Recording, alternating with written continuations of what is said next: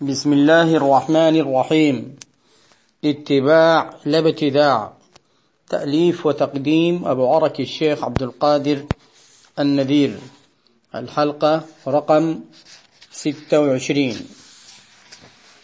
التوسل بالنبي صلى الله عليه وعلى آله وصحبه وسلم وبغيره من الصالحين اشتمل هذا العنوان في الأصل الذي هو شمس التحقيق على ثمان وعشرين آية وأربعة وثلاثين حديثا.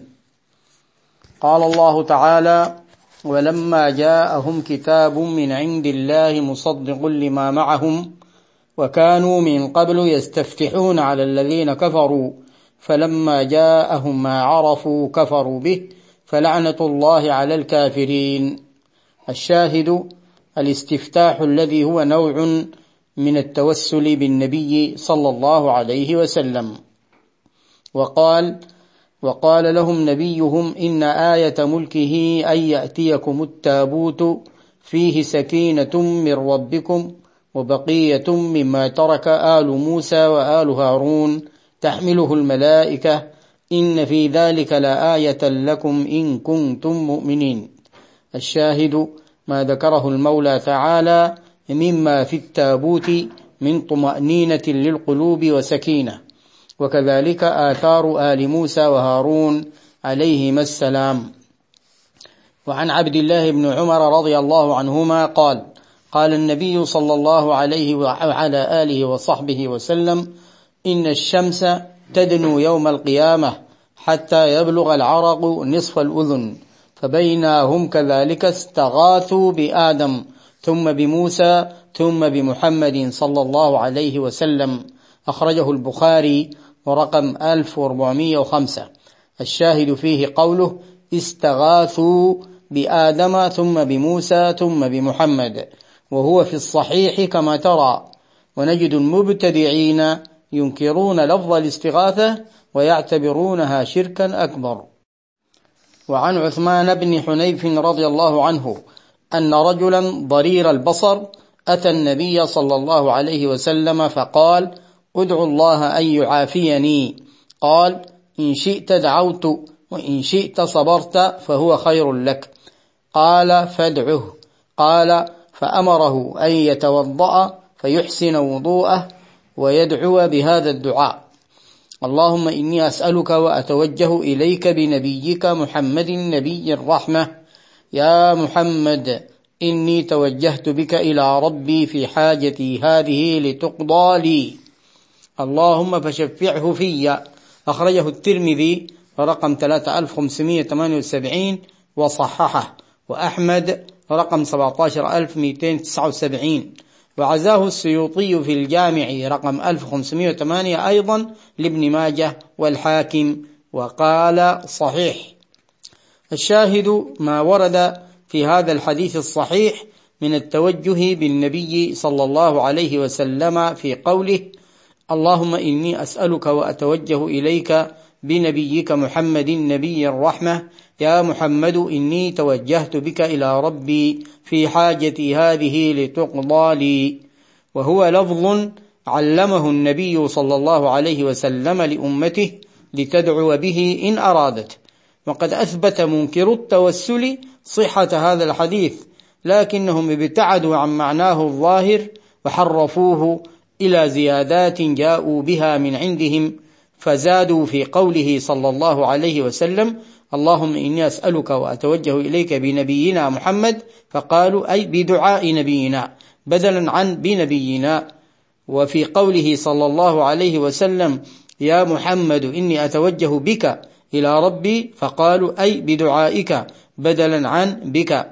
مع أن الأمر ظاهر فلو كان النبي صلى الله عليه وسلم أراد أن يدعو له لدعا مباشرة ولما وجهه لأن يذهب ويصلي ثم يدعو بدعاء لفظه اللهم إني أسألك وأتوجه إليك بنبينا محمد.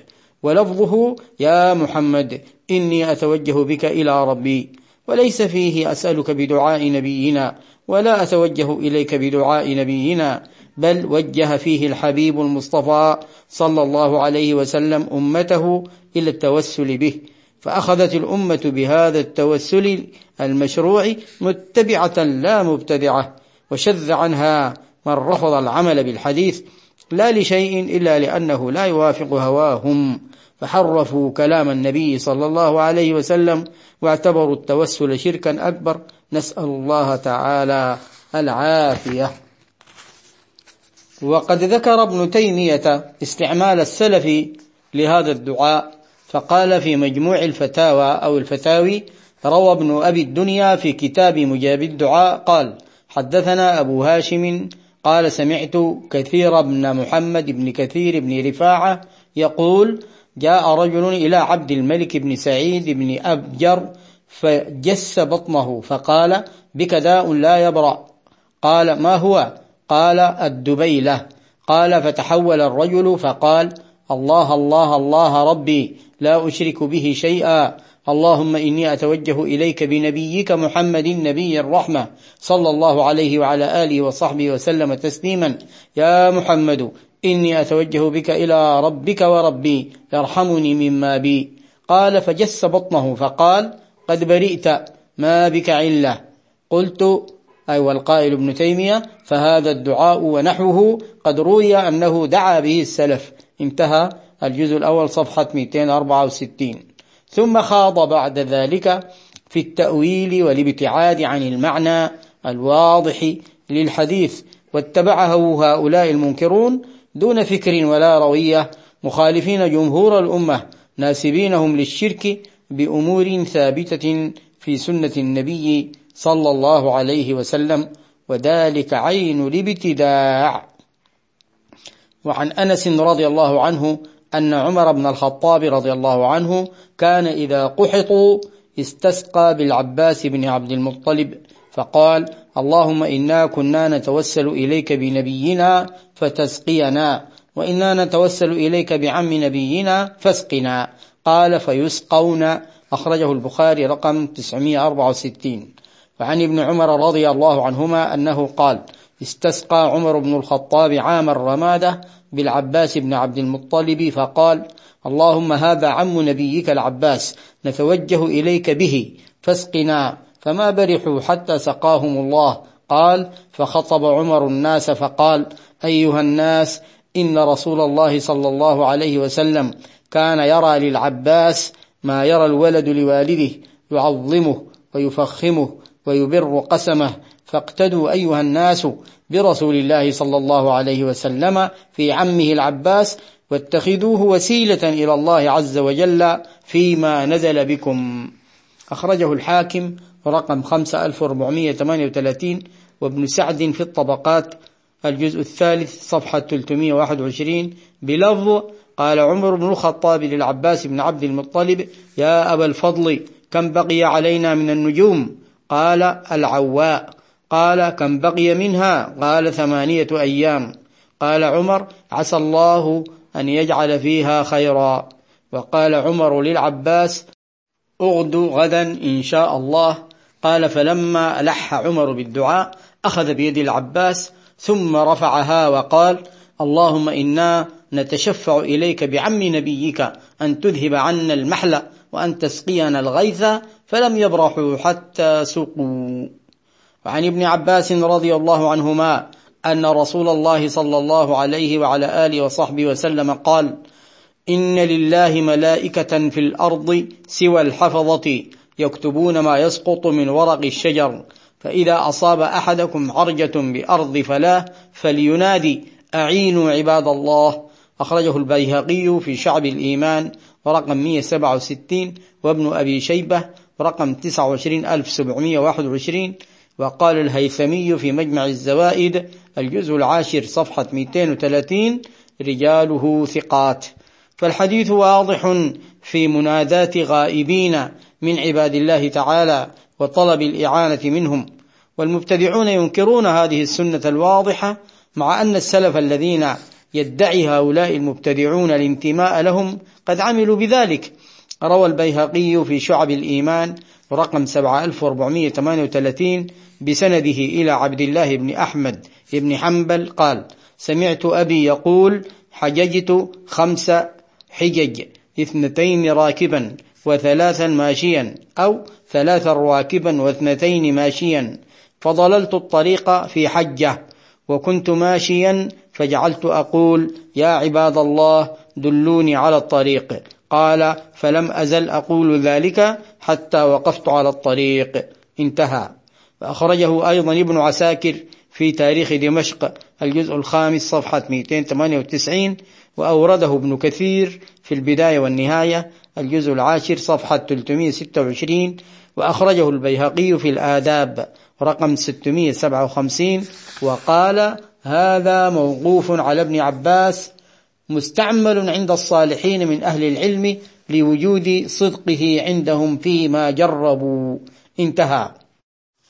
وابن تيمية مقتدى منكر التوسل يجيز التوسل في بعض الروايات عنه. ورد في ذيل طبقات الحنابلة عن ابن تيمية رحمه الله تعالى لا يستغاث بالنبي صلى الله عليه وسلم استغاثة بمعنى العبادة أو العبارة ولكن يتوسل به. انتهى الجزء الرابع صفحة 515 وكأنه رجع إلى فتوى الإمام أحمد التي ذكرها عنه في مجموع الفتاوى وذكر هناك مسألة الخلاف في حكم التوسل به صلى الله عليه وسلم. ففي مجموع الفتاوي قول القائل اللهم إني أتوسل إليك به فللعلماء فيه قولان كما لهم في الحلف به قولان.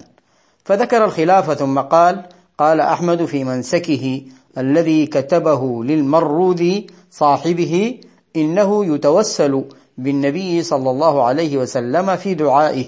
ولكن غير أحمد قال إن هذا إقسام على الله به ولا يقسم على الله بمخلوق. وأحمد في إحدى الروايتين قد جوز القسم به فلذلك جوز التوسل به. انتهى من المجموع الجزء الأول صفحة 140 ومسألة الإمام أحمد هذه منصوص عليها في عدد من كتب الحنابلة فمن ذلك ما ورد في كتاب غاية المنتهى في الجمع بين الإقناع والمنتهى للشيخ مرعي بن يوسف الحنبلي وشرحه للشيخ مصطفى السيوطي الرحيباني. قال وكذا أبيح توسل بصالحين على الصحيح من المذهب قاله في الإنصاف وقيل يسن. قال الإمام أحمد في منسكه الذي كتبه للمروذي يتوسل بالنبي صلى الله عليه وسلم في دعائه انتهى من مطالب أولي النهى في شرح غاية المنتهى الجزء الأول صفحة 817 ونواصل إن شاء الله تعالى.